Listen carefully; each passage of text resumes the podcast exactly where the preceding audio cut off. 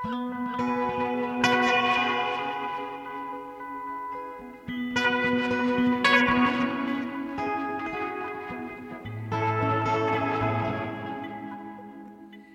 sæl og blessuð við sjá helsar eh, ágætur hlustendur. Fymtudaginn 5. november. Guð fyrir um heiminn á hraðas nýilsins en hitt ítla hefur vangi.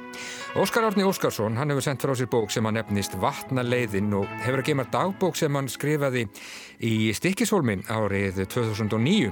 En bókin að príða ljósmyndir Einars Falls Ingólfssonar Óskar er einlega þryggja bóka maður í ár, hann sendi nýlega frá sér bók sem hann nefnist af himnum ofan og hefur að geima svo kvölduð konkrétt ljóð, myndljóð, orta á message concept 11, ramagsritvel og fyrir á þessu ári þá komu út eh, þýðingar hans og áslögar Agnarstóttur á Örsú eftir rúsneska réttufundin Daniel Karms.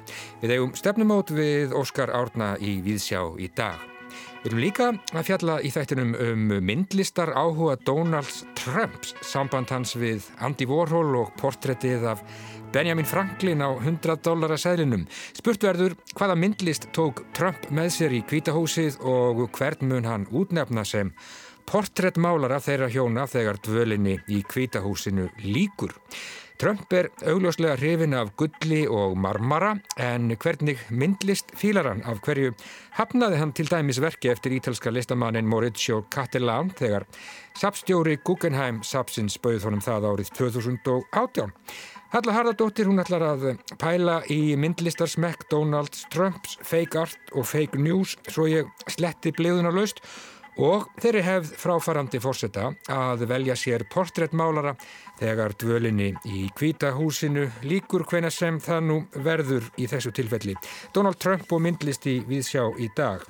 Marjana Klara Lútersdóttir, bókmyndagagrinandi viðsjár, hún fjallar um skáldsöguna Eldarnir, Ástin og aðrar hamfarir Eftir Sigriði Hagalín Björnsdóttur, þetta er þriðja skáldsaga Sigriðar sem hefur vakið aðtikli fyrir verkin Eiland og heilaga orð. Og Greta Sigriður Einarstóttir, hún fjallar í dag um jólabókaflóð á tímum veirunar. Útgáfu starfsemi á óvenjulegum tímum. En við byrjum í Vesturbæ Reykjavíkur og við byrjum í Stikkishólmi.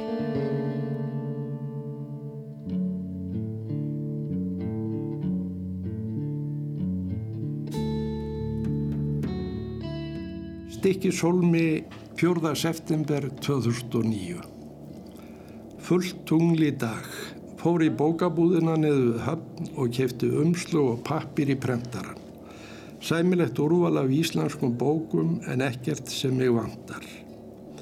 Stjörnur híminsins eru sálir, döðra ljóðskálda og listamanna, segir Van Gogh í brefi til bróður síns. Vonandi verður nóg pláss.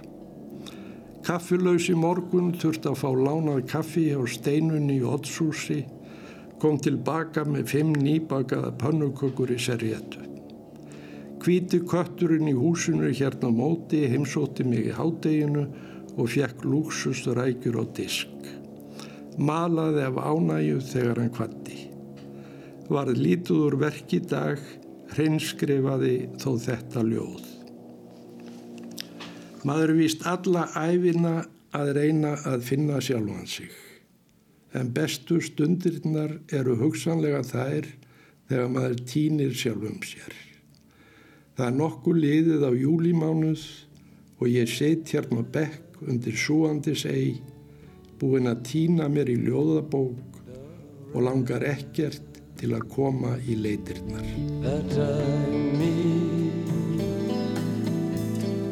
In the summer in the end summer. Ég komin hérna vestur á Vesturvallagötu í Vesturbæ Reykjavíkur. Þar situr Óskar Árni Óskarsson rítufundur, hann er já, hann er búin að gefa út held ég heilar þrjár bækur á, á þessu ári. Gaf út þýðingar á, á prósum eftir rúsneska rittöfundin Daniel Karms og hann gaf út bók sem heitir Af himnum ofan það er bók sem hefur að geima eh, konkrétljóð eða myndljóð, eh, svo við höfum þetta á, á íslensku. Og svo nú nýlega þá kom út bók sem heitir Vatnaleiðin, dagbók frá Stikkishólmi. Þetta er bók sem að Óskar vann eða vinnur upp úr dagbók sem hann held þegar hann dvaldi í Stikkishólmi árið 2009 og bókina príða fallega ljósmyndir eftir Einar Fall Ingólfsson. Til ham ekki með já, allar þessar bækur Óskar. Vatnaleiðin, segð mér aðeins frá. Já, þakkaði fyrir. Þetta vatnaleiðin er eh, leiðin eh, yfir Snæfellsnesið eh, yfir fjallgarðin mm. til, til Stekjusholms og ég var svo heppin árið 2009 var það veist að mér var bóðið að vera gestari töfundur í vatnarsafninu í Stekjusholm í Stekjusholmi í, í sex mánuði í kjallarana þar sem er svona rittvönda í búð og held dagbók uh, flesta daga eins og ég ger ofta ferðalögum.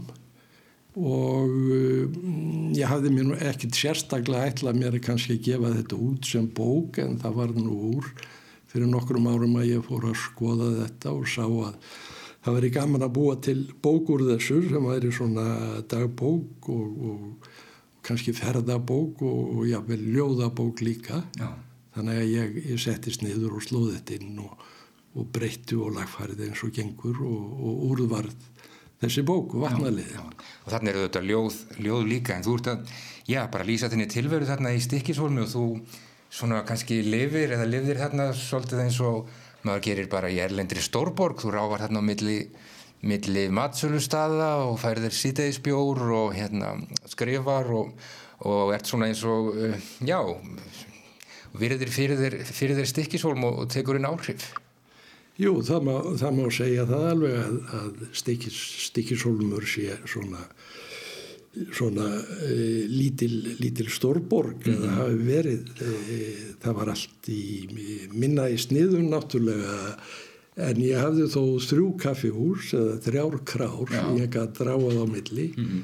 bensinstöð þar sem var hægt að setjast inn og fá sér sómasamloku, bakari, uh, einar með öllu, það var eh, pilsuskúrin í holminum þannig að fyrir utan svo sundlaugina, frábæru sundlaug sem þeir eiga og, og, og svo göngutúra um, bæði um bæin og nágrennið og, og hérna þessi dagbók hún segir svolítið frá þessum göngutúrum e, e, og, og verminni á þessum kaffihúsum og hvað ég var að hugsa og skrifa ja. og lesa kannski þennan tíma sem ég var þarna ja. í hólminum Og þú ert svona Óskar um, þú ert svona það sem menn kalla flanör þú ert maður sem að, sem að gengur mikið um og, og fer náttúrulega um borgina og, og sérð svona fegurð á ímsum stöðum sem við hinn kannski sjáum ekki hvort sem það er í blésugrófi eða, eða hérna, skemmuvegin en þarna um, í stekisólmi ertu að, já þú veitnar meðal annars í svona reythöfunda sem að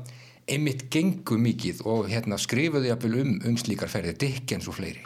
E, Já, ég hef alltaf verið svolítið heitlaður af, af slíkum e, bókmyndaform Já, bókmyndaform já. sem er svona eru gönguferður og göngutúrar og, og bókmyndaform sem er en meira kannski, já þetta var nú til held ég svona á 19. öld kannski og, og mikið í Breitlandi mitt, Dickens og fleiri og vatnaskáldinn þau ordu mikið um gangutúra og, og, og lístu svona sinni ljóðveröld í, í gegnum þar sem þau sáu á sínum gangutúrum þannig að, e, já mér er það mjög eðlilegt bara einhvern veginn að, að, að að mín ljóð verði til svona á einhverjum ákveðnum stöðum. Ég held að það enginn mín, mín ljóð líka nokkuð að, að ég er ekki um staði og alltaf Já. gert hvort sem það er Reykjavík eða, eða annar staðar. Núna eru menn kannski hættir að ganga og fara bara í rektina Rítum þetta líka? E, já, ég hef nú aldrei farið í rektina þannig að e, þetta ástand núna skipti mig þannig engum máli ég fer í mína gongutúra og það er ekkert sem stoppar það.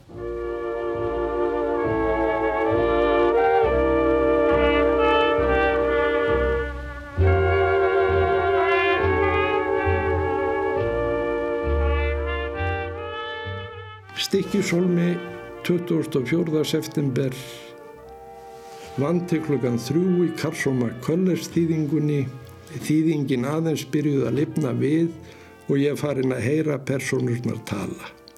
Hverja með sínu nefi og þykist jáfnvel vita meir um þær en sagan sjálf gefur upp. Það er að komast á samband. Mér sínist á öllu að þessi búið að loka fimm fiskum og komið vetratími á narverarstofu og opið frá 6 til 10 á kvöldin. Settist inn á narverarstofu með fartölfuna eftir kvöldmatinn, faraði skikja og mánin í þann mund að tegja sig í munnhörpuna. Hringdi í Girði og Kalman í hádeginu langt spjall við báða. Jón Kalman og Marja ætla að vera eina helgi hérna í íbúðinni í lok oktobermánadar. Gekk út í Döðsmannsvík þar sem ég fann gamlan stólræfil í fjörunni, satt þar í hálftíma og krótaði í ljóðahandritið. Nöfnin Maðkavík og Döðsmannsvík gætu verið ættuð úr einhverju sjóræningja ævintýri. Og svo eru svörtuloft og svartitangi hér skamt frá. Dáliti kallt en frískandi veður. Þetta ljóð kom í gær. Ég er með tvær hendur, annur heldur að hún sé 16 ára, hinn er 59. Svo eldri tegi sér í magatöflurnar, hinn dregur kveikjara upp úr vassan. Trátt fyrir aldursmunin er samband þeirra oftast frekar gott.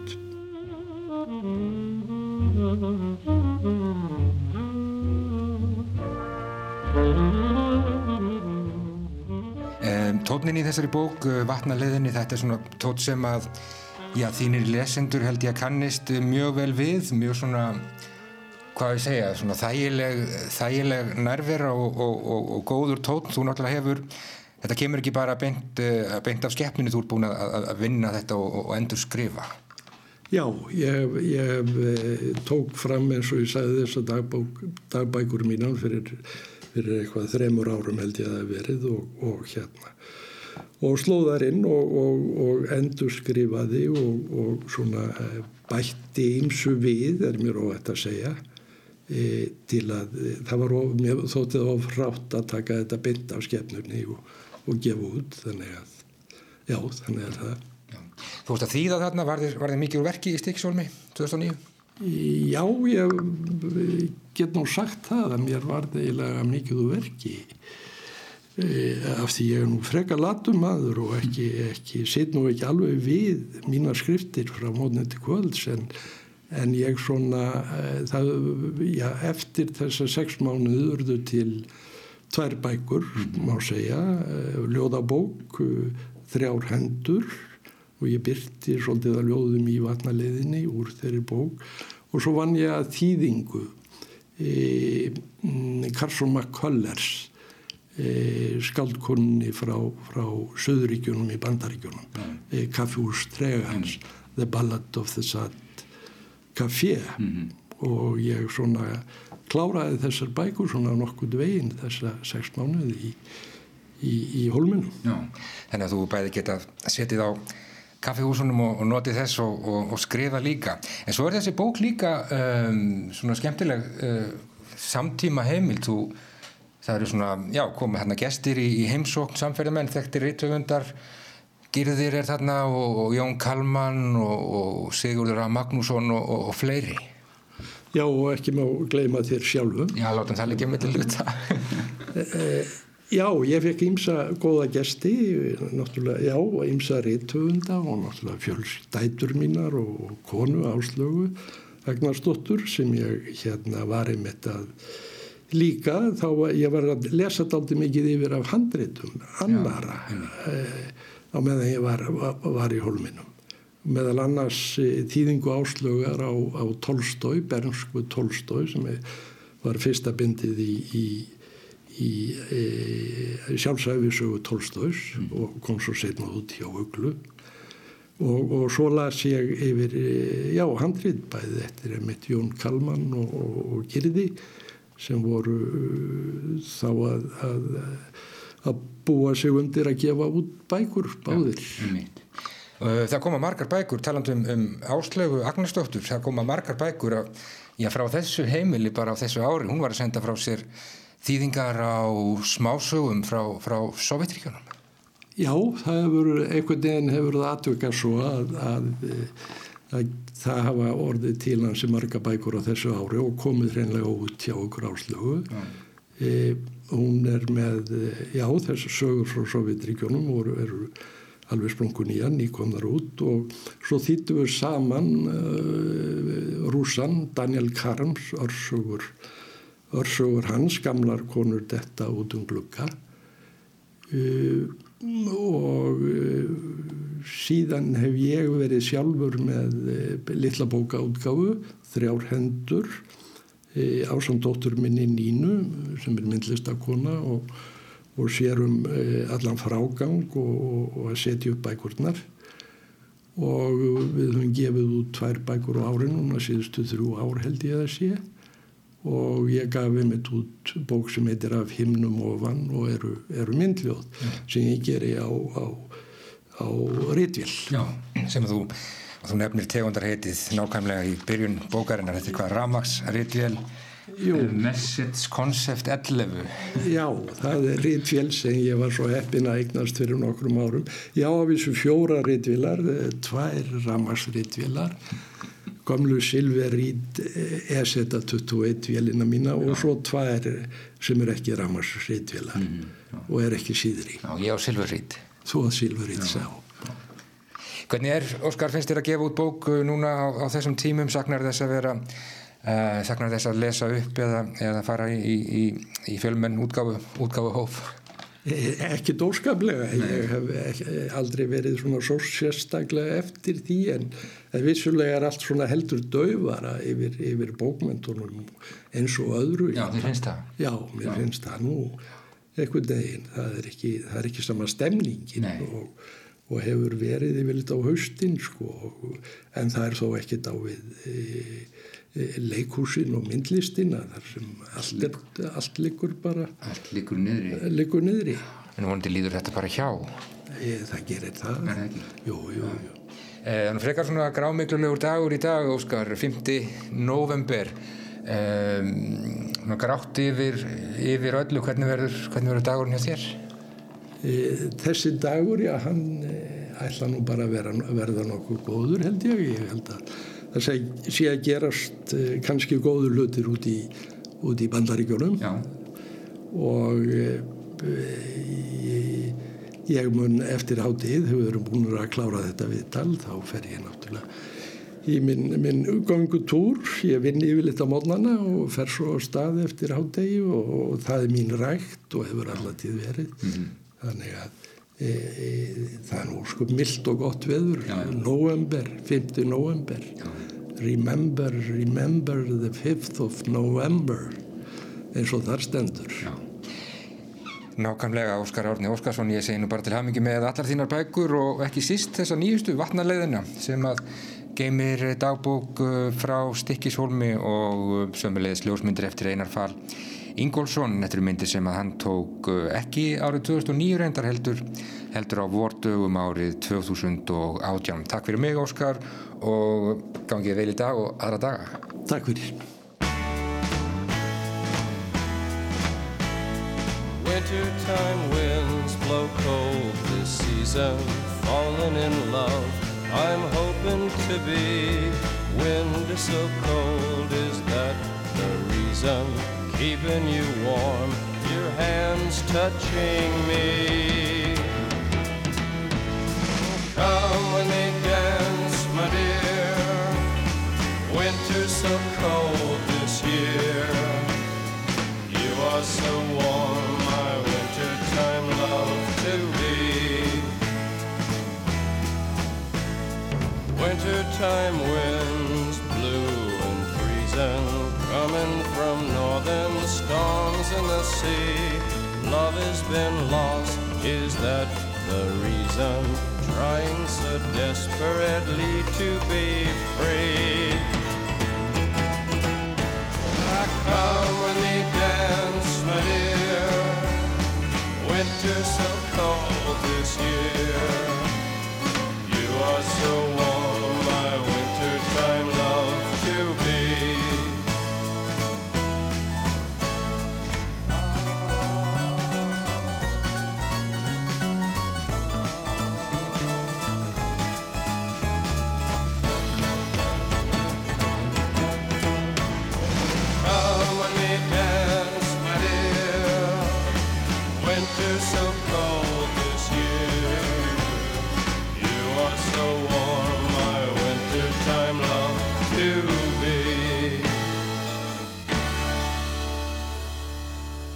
Já, The Doors, Wintertime Love, vetrar ást árgerð 1968. Hér leikið auðvitað sérstaklega fyrir Óskar Árna Óskarsson Ríðtöfund sem var að gefa út bók sem heitir Vatnaleiðin. Einstaklega fallegur grepur ég tók hús á Óskari í morgun áður en hann lagðast að í sinn daglega göngutúr og við höldum okkur við nýjar bækur, eldarnir, ástinn og aðrar hamfarir er heiti nýra skáldsögu eftir Sigriði Hagalín Bjöstóttur. Þetta er þriðja skáltsaga Sigriðar áður hafa komið út skáldsögurnar Eiland og hið heilaga orð. Báðarvöktu töluverða aðtikli og hafa verið þittar á fjölda tungumála. Marjana Klara Lútersdóttir, hún er búin að lesa eldana og við skulum heyra hvað hún hefur að segja. Á fyrstu blaðsíðu eldana eftir Sigriði Hagalín Björstóttur liggur aðalsöguhetjan grafin í mold, berst fyrir lífi sínu, heldur jafnvel mögulega að hún sé þegar dáin.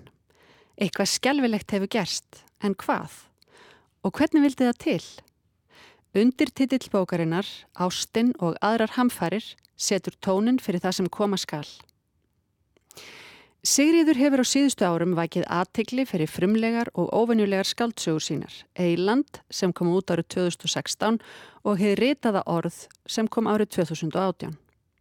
Þótt ólíkar séu eiga bækurnar það sameinlegt að vera í aðra röndina spennusögur sem grýpa lesandan heljartökum en velta jafnframt upp heimsbyggilegum og tilvistalegum spurningum. Sigriði hefur jafnvel verið líkt við bandaríska metsuluhöfundin Dan Brown í því samhengi og vissulega er samlíkingin ekki alveg út í hött þótt ákveðnið þættir skiljimilli höfundana.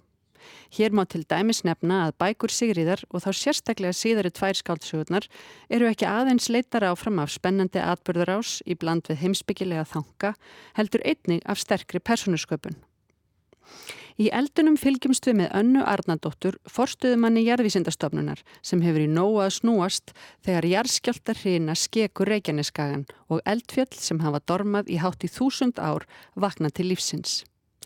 Þótt eldsumbrotin viðist í fyrstu ekki ógna öryggi landsmanna nefnað óverulegu leiti eru þó allir í viðbræðstöðu og raunar er afar fróðlegt í núverandi heimsfaraldri að fylgjast með starfi almannavarna eins og það byrtist í bókinni.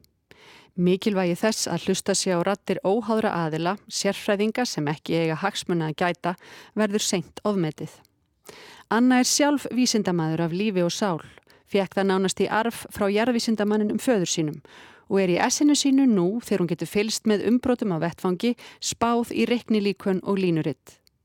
Hún virðist hamingjusamlega gift, býr á samt einmanni og tveimur börnum í glæsilegu einbílishúsi við Elliðavatn og í raun er fáar hrukkur að finna á áferðafögru yfirborði lífsennar, fyrir utan kannski samband hennar við móðu sína. Ekki er þó langt liðið á söguna þegar lesendanum skilst að það líf sem Anna lifir er undarlega aftengt henni sjálfri. Hún á ekkert sameinlegt með fólkinu sem kemur til þeirra hjóna í grillveislur og nartar í yfirgengilega dýrt kjött og ræður um bíla. Það ringja einnig viðvörunabjöllur þegar innanhúsarkitekt sem kemur í heimsókn horfur yfir heimilið og sér hvergi votta fyrir personuleika önnu. Það er ekki fyrir en arkitektin kemur í vinnuherbyggið þar sem allt er á rúi og stúi og öllu ægir saman sem hún finnur loksins eitthvað líf. Þessar tvær ólíku vistarverur reynast vera tákmyndir þegar tvekja hvenna sem í brjósti önnu búa. Annars vegar skinnsami vísindamæðurinn sem lifir örugu fyrir sjáanlegu lífi og hins vegar ástriðu full tilfinningavera sem er tilbúin að kasta öllu og glæ fyrir ástina. Þetta kemur berlega í ljós þegar Anna kynist ljósmyndarannum Tómasi Adler í vettvangsflugi yfir góðstöðunum. Þar með hefst stríð innra með önnu þar sem tilfinningaveran og vísindamæðurinn takast á og allan tíman endur spekla eldsumbrot landsins átökin í sálarlífinu. Tilfinningarót mannesku sem á sér hliðstæðu í náttúruumbrotum er kannski ekki nýtt af nálinni í íslenskum bókmyndum en það gengur nokkuð vel upp hér þar sem náttúran, jarðfræðin, er hreinlega aðalatrið í sögunni sjálfri en ekki líkingamál til skrauts. Það er svo til marg sem vald sigriðar á frásögninni að lesandin fylgir höfundinum heiklust í samtölum og vangaveltum um sprungusveima og kvikuhólf án þess að tapa nokkuð tíman þræðinum. En þegar svo ástinn byrtist í formi ljósmyndarans Tómasar er eins og hljómur hennar sitt álutið hólur, þótt vissulega sé hún átakanleg. Anna, sem alltaf hefur verið svo skynsum, berst á móti ástinni, en það virðist fyrirfram töpu barátta og þau elskast í blettótt á sófanum í vinnustofu ljósmyndarans. En mögulega er hólur hljómurinn með ráðum gerður. Þótt eldsimbrotin í kviku jarðar séu leint og ljóst samofir umbrotunum í brjósti og líkama önnu, þá reynist annað og meira í húfi en hvort anna og elskugi nái saman. Þegar upp er staðið er erotísk ást elskanda kannski ekki sterkasta aflið eða það áhugaverðasta, heldur önnur ást, ástinn millir foreldri og bars. Áhrifamestu kablarbókarinnar eru þeir sem snúaða sambandi önnu við foreldra sína og þá sérstaklega móðuruna sem brást og svo aftur sambandi önnu við sín eigin börn.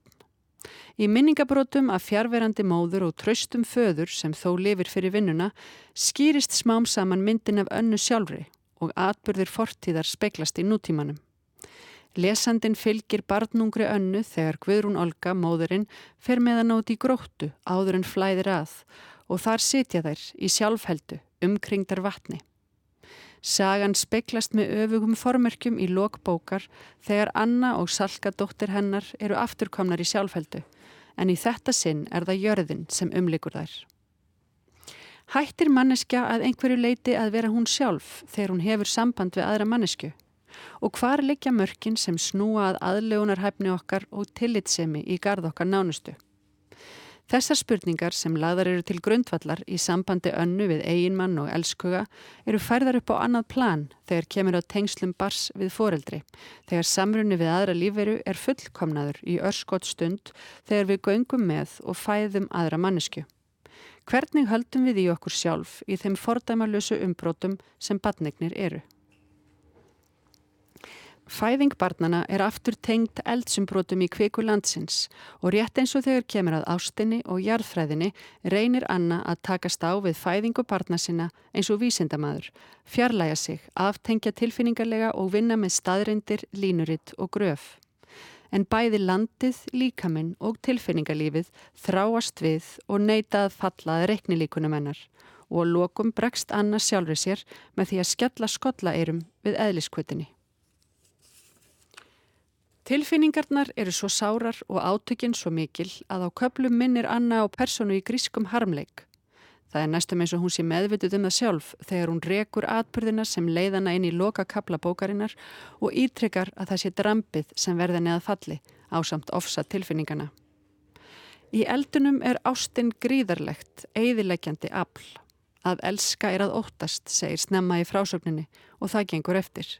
Anna reynir að berjast gegn ástinni en kannski er baráttan fyrirfram töpuð. Kannski er hún leiksoppur guðana og það eina sem hún getur vonast eftir er einhvers konar skilningur í gegnum þjáninguna í sögu lok, rétt eins og hetjur harmleikjana til forna. Eldarnir eftir Sigriði Hagalín Björnsdóttur er átakanleg ástarsaga í fleiri en einum skilningi.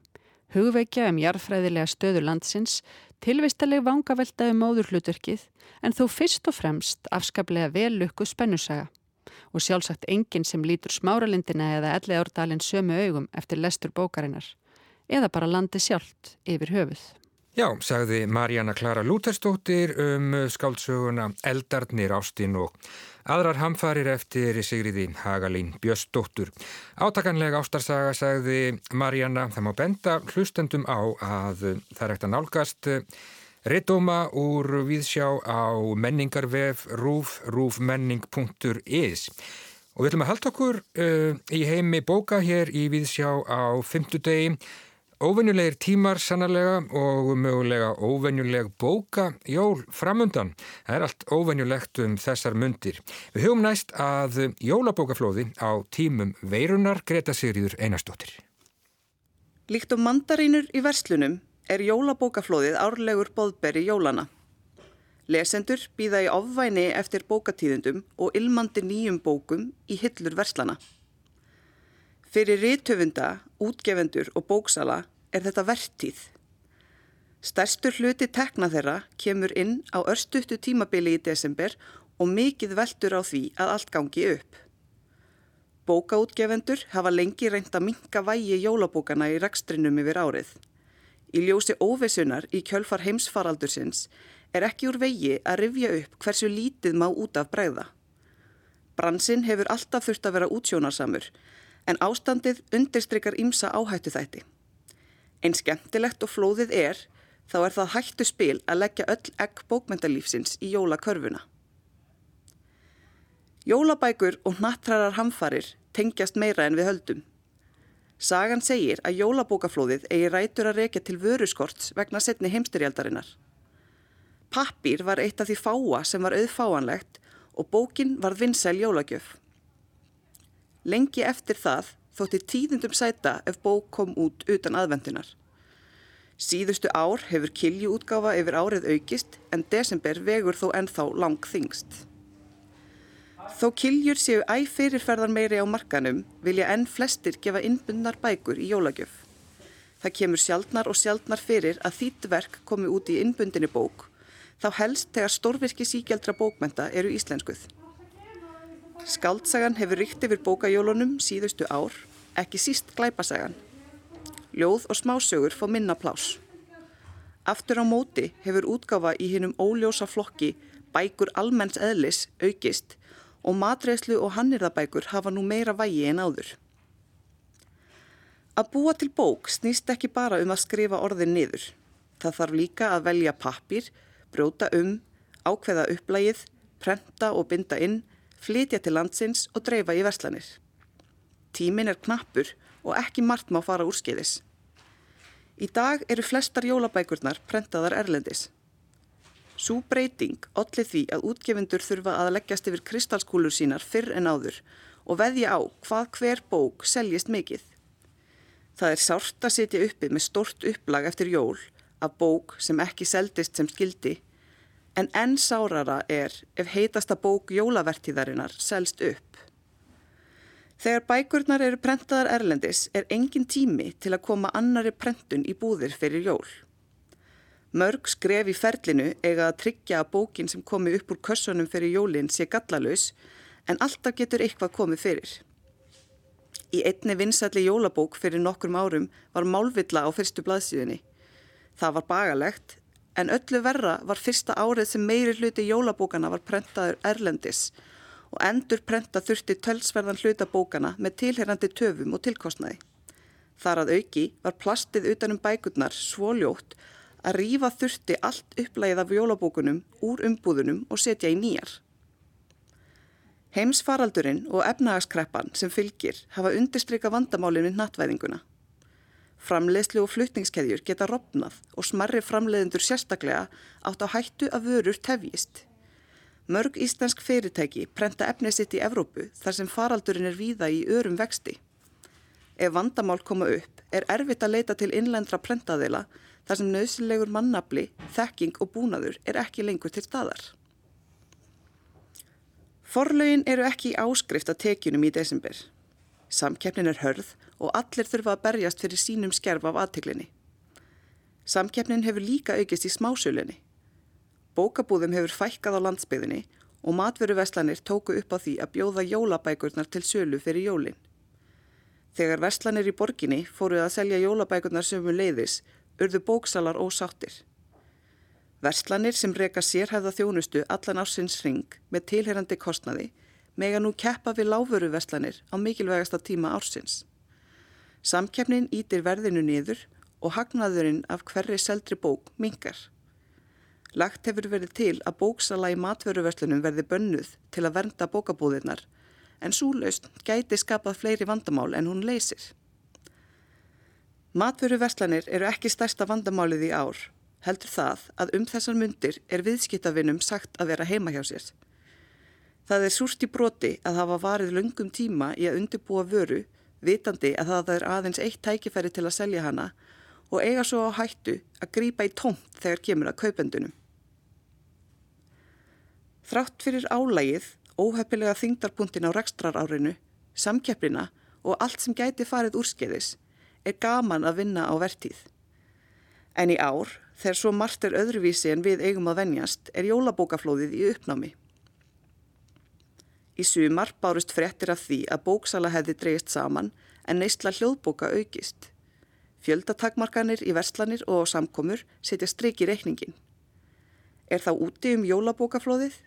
Ef fólk kemst korki í búðirni á viðburði, er þá vertíðin brostinn, síldin farin og allt eins hægt að loka búlunni?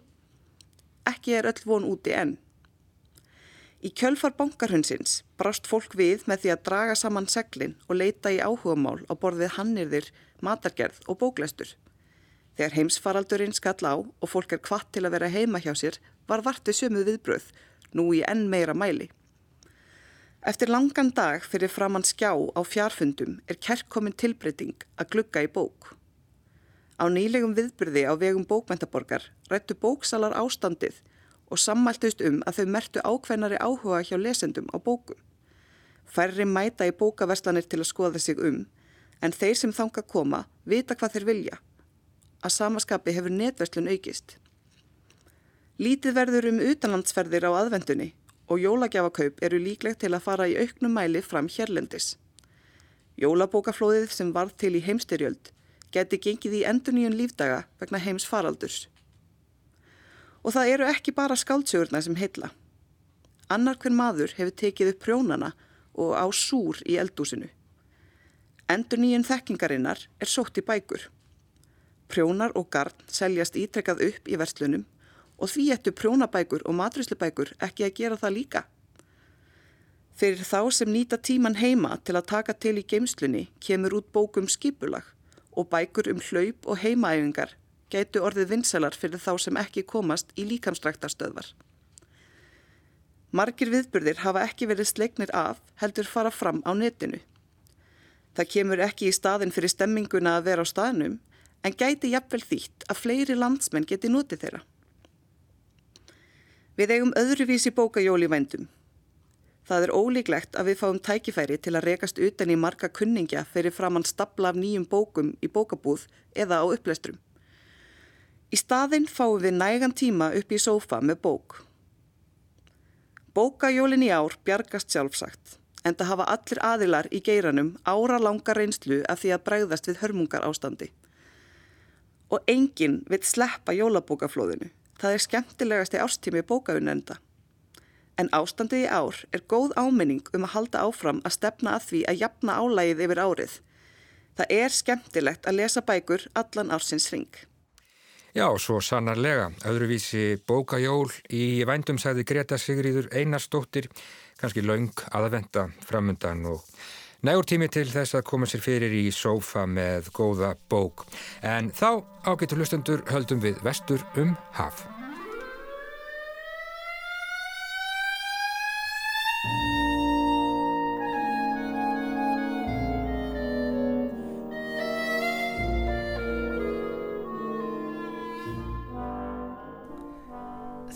Donald Trump kom sér fyrir í kvítahúsinu eftir kostningarnar 2016 veltu margiði fyrir sér hvort að þau hjónin myndu taka með sér eitthvað af listaverkum til að skreita nýju hýpilinn með.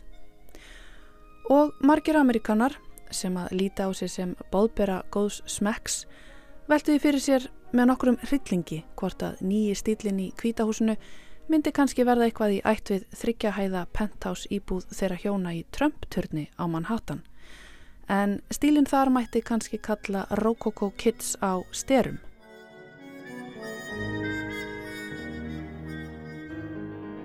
Það er fyrir því rík hefð í bandaríkjunum að ný fórseti og fórsetafrú seti marksitt með einhverjum hætti á kvítahúsið. Roosevelt tók til að mynda með sér uppstoppuð elgshöfuð og skreitti nokkur herbergi húsins með þeim. Jackie Kennedy tók nokkur herbergi í gegn með hefðbundna bandaríska smekkvísi og byggingasögu að leðaljósi og Clinton hjónin tóku afsteipu af hugsuði Rodan með sér á nýja heimilið.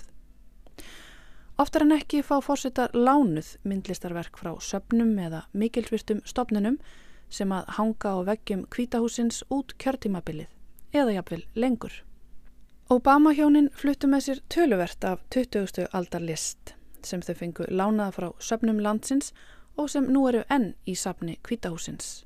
Það sem að þau völdu til að príða hýpili sín voru meðal annars Jasper Jones, Rausenberg, Joseph Albers og Alma Thomas en hún var þannig fyrsta svarta myndlistakonan til að koma sinni listað í kvítahúsinu. Yfir arninum í svefnherbygginu hengdu Obama hjónin svo verk eftir Whistler. Það voru sem sagt uppi vangaveltur um áhuga Trumps á myndlist og mögulegu vali á verkum sem að myndu fylgja honum í kvítahúsið. Fyrri kynni Trumps af myndlistarheiminum hafði fram að því verið áhugaverð. Hann hafði allavega ekki til þessa verið góður í að lesa í markaðin því eins góður og hann telur sér nú vera í þeirri list þá verist hann ekki hafa mikið skinnbráð á markaðs möguleika myndlistar eins og kynni hans af bæði Warhol og Chris O'Feely vitna um. Árið 1999 var hinn heilaga Madonna, breska listamannsins og törner verðlunahafans O'Feely til sínis á Brooklyn-safninu í New York. Verki var hluti af síningu á verkum ungra breskra listamanna, síningin kallaðist Sensation og margir af þeim listamönnum sem að þar síndu eru í dag orðin risanöfn í listheiminum. Sýningin vakti mikla aðtegli og ekki síst hinn heilaga Marja og Fílis. Verkið sínir svarta Marju mei sitja á gildum bakgrunni en umhverfis guðsmóðurina fljúa skínandi litlir marglitir rassar. Rassarnir virðast í fyrstu vera fyririldi en við nánari skoðun sést að þeir eru kliftir út úr klammyndablöðum. Einnig er Marja sjálf, sem er sveipuð ljósbláum og glitrandi kirtli, með frekar grófa andletstrætti og mætti jafnveg líka munni hennar við ávöxt eða kvensköp. Undan bláum kirtlinum sést svo glitta í annað brjóstið en það er mótað úr fílakúk. Alvöru fílakúk svo að verkið er ekki bara málverk heldur unnið með blandaðri tækni. Verkið stendur einnig á tveimur kúlum sem að einnig eru mótaðar úr fílakúk. Verkið vakti mikla neykslan og borgastjóranum og góðvinni Trumps til margra ára, Rudy Giuliani, var ekki skemmt. Giuliani var reyndar svo misbóðið að sjá sjálfa Marju May fá þessa útreið að hann hótaði að draga allan fjárstuðning til sapsins tilbaka, yrði verkið ekki fjarlagt. Trump blandaði sér svo í umræðina og sagði verkið einskisvirði, hver sem er gæti sett svona saman. Þetta var ekki list heldur viðbjóður og að verkið flokkaðist augljóslega undir úrkynjaða list. Verkið sem að seldist á 4,6 miljónir dollara árið 2015 er nú í eigu MoMA og er talið vera eitt af líkilverkum 20. aldarinnar. Svipaðasögu er að segja af samskiptum Trump við Warhol, en hann hafði hugmyndur um að láta listamannin gera sig ódöðlegan. Trump og fyrsta eiginkona hans, Ivana, hittu Warhol í hans frægu verksmiði árið 1981 og tiluru heimildir af fundinum úr dagbókum Warhols, sem að rita þann daginn að Trump sé macho-gaur, að ekkert hafi verið ákveðið enn um listaverkakaup en að hann muni gera einhver verk fyrir hjónin. Útkoman voru átta svarkvít silkiprent stráð demantstufti af Trump törni og vonaðist Warhol til að þau eruðu hengt upp í törninum sjálfum yfir inganginum að íbúð hjónana. Trump aftur á móti keipti verkin ekki, fannst lítapalettan ekki passa. Í dagbókina ritar Warhol að Trump hafi ekki verið ánaður með útkomuna og orðið frekar æstur þegar hann sá verkið og veltiði fyrir sér hvort að verkin hafi mögulega verið of mörg og þannig rugglað hjónin. Verkið fór allavega aldrei í Trump-turnin en seldist hestbjóðanda nokkrum árum síðar fyrir fúlgur fjár. Önnur saga af samskiptum Trumps við heimsfrægan listamenn komst í fréttinnar í forsetatíð hans. Reyndar átt hann ekki bein samskipti við listamannin sjálfan heldur við Nancy Spector, síningastjóra hjá Guggenheim-safninu í New York. Trump langaði skindilega að skreita skrifstofu sína með verkinu Landslag í snjó eftir Vincent van Gogh frá árinu 1888 og bað Guggenheim safnið um að fá það lánað. Spektor aftur á móti neytaði honum um þá bón en bauð honum annað meistarverk í staðin. Samtíma listaverk eftir hinn virta og ofta á tíðum umdelda ítalska listamann Maurizio Cattelan. Verkið sem að umræðir er skúltúr frá árinu 2016, kallast Amerika og er klósett úr átján karata gulli. Verkið var sérstaklega gert fyrir síningu á Guggenheim-safninu og var tengt með pípulögnum á einu baðherbergjasapsins þar sem að það var öllum gestum laus til brúks út síningatíman. Þannig að hundra árum eftir að Duchamp síndi sitt klósetti í bandaríkjunum tók Catalan klósettið skrefi lengra með því að koma því í notkun og gilla það í leiðinni. Verkið vakti mikla aðtegli, sló í gegn og þúsundur gesta nýttu sér það og bentu kannski í leiðinni á hversu gróteskur listheimurinn getur verið í öllu sínu ofur kapitalíska gull veldi. Trump aftur á móti sá kvorki fegurð, húmor, vermæti, nýja notagildi í verkinu. Nefna þá að hann hafi einungis séð notagildið og afþakkað klósettið á þeim fórsendum. Kanski á hann bara nóg af gildum klósettum. Allavega er turninans fullur af gulli, marmara, kristals, ljósakrónum og impressionistum. Já, impressionistum. Því að þó Trump virðist ekki vera mikið fyrir konceptlist, þá virðist hann fíla franska romantík. Það hanga vist einhver Renoir verku upp í gullturninum En það er kannski fyrst og fremst vegna vergildis þeirra, frekar en réttrar litapalettu eða einlags áhuga á verkunum. Því að þegar bladamæður spurðan út í eitt Renoir verkið, yftan bara aukslum og sagði að það kosta 10 miljón dollara. Sem að reyndar er áhugavert því að Trump virðist fyrst og fremst skreita hallir sínar og turna með eftirlíkingum. Eftir kostninguna 2016 sað Trump í Trump-turni og veitti fréttaskýringa þættunum 60 mínutum viðtal framann við Renoir verk. Umrætt verk kallast Tvær sístur og áður hafði Trump stært sig af vergildi þess við bladamann frá New York Times. Eftir sjómasvitalið kom svo upp úr dúrnum að upprunlega verkið er eitt af djásnum listasapsins í Chicago þar sem það einmitt hangir uppi. Annað verk eftir Renoir, Leikúsvítan frá 1874 hangir líka upp í hýpilum Trump-hjónana en upprunlega verkið er hluti af sapnaegn í London. Já, Trump virðist láta sér það litlu varða hvort að verk eru upprunleg eða ekki en í er samt að því við bladamenn að verkin séu upprunleg. Atvik sem átti sér staði sendiherrabúðstarnum í París teiknar þessa mynd af Trump en skýrari dráttum. Það varð allt vittlust þegar að Trump var þar stattur voru 2018 og átti að heimsækja minnisvarða fallina bandaríska Hermana en neytaði að fara. Hann eitti deginum þessi stað í sendiræðinu og ástæðan sem hann gaf fyrir skrópinu var það sem að gerði allt vittlust. Af hverju ætti ég að fara í þennan gamla kirkigarð? Til hvers ætti ég að gera það þegar garðurinn er bara fullur af losers eða aumingjum? Heimildamenn gáfu síðar upp að deginum hafi Trump eitt í að velja sér listaverk úr sendaherrabústanum til að taka með sér heim. Talsmaður kvítahúsinn sagði í kjölfarið að Trump hefði valið sér nokkur verk, fögur og söguleg, verk sem að tilherðu jú amerísku þjóðinni og ætti því að vera í húsi fólksins, kvítahúsinu. En annað kom á daginn þegar sérfræðingar kvítahúsins dróðu gerðsemarnar fram. Trump hafði meðal annars valið sér portrétt af Benjamin Franklin frá árinu 1785 eftir franska listmálaran Joseph Duplessis. Nafn þessa ágæta málara væri sennilega ekki þekkt í dag ef ekki væri fyrir þetta tiltekna portrétt af Benjamin Franklin. En svo ásýnd sem að Duplessis gaf honum er svo ímynd sem að allir bandaríkjumenn hafa af þessari bandarísku hetju því að portréttið prýðir 100 dólaraseðilinn og þar er kannski komin ástæðan fyrir áhuga Trumps á verkinu. En þegar heima komið komi ljós að portréttið var þá þegar í bandaríkunum og ekki bara í bandaríkunum heldur í næsta nágrenni við kvításið í portréttadeild þjóðmennarsapsins.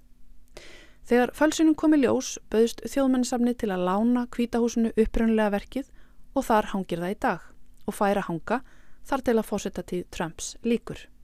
Auk þess að velja málverk og brjóstmynd úr bronsi af Benjamin Franklin hafði Trump valið sér silfurstittu af gríska sjáarguðunum Poseidon Stittan svo átti að hafa verið gerð af ítölsku meistar á 16. öld en það verk reyndist líka vera eftirlíking.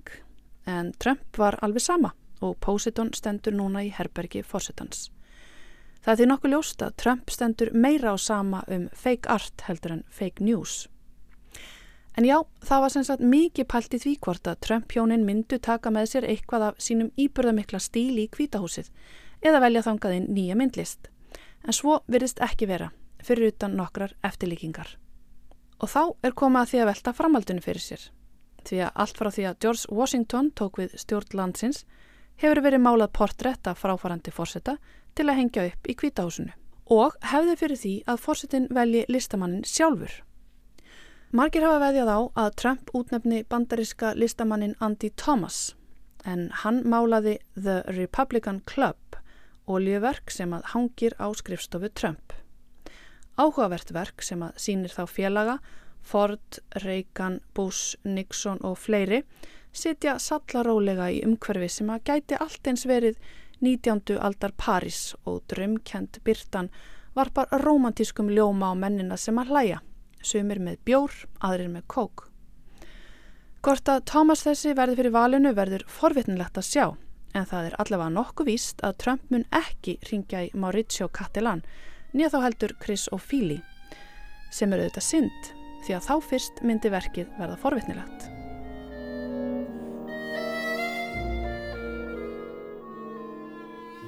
Já, nákvæmlega. Halla Hardardóttir, Donald Trump og myndlistin og auðvitað allt kryttað með Rhapsody in Blue eftir George Gershwin bandarískara verður það nú varla. Og svona ætlum við að ljúka við sjá í dag, við sjá hér aftur á þriðju dag, löst eftir klukkan fjögur ég minni á úrval úr viðsjárþáttum þessarar viku á dagskrá hér á rás 1 klukkan 14 klukkan 2 á sunnudag en við segjum þetta gott í dag. Teknimaður í þessari útsendingu var Martein Marteinsson. Takk fyrir samfélgina í dag, verið sæl.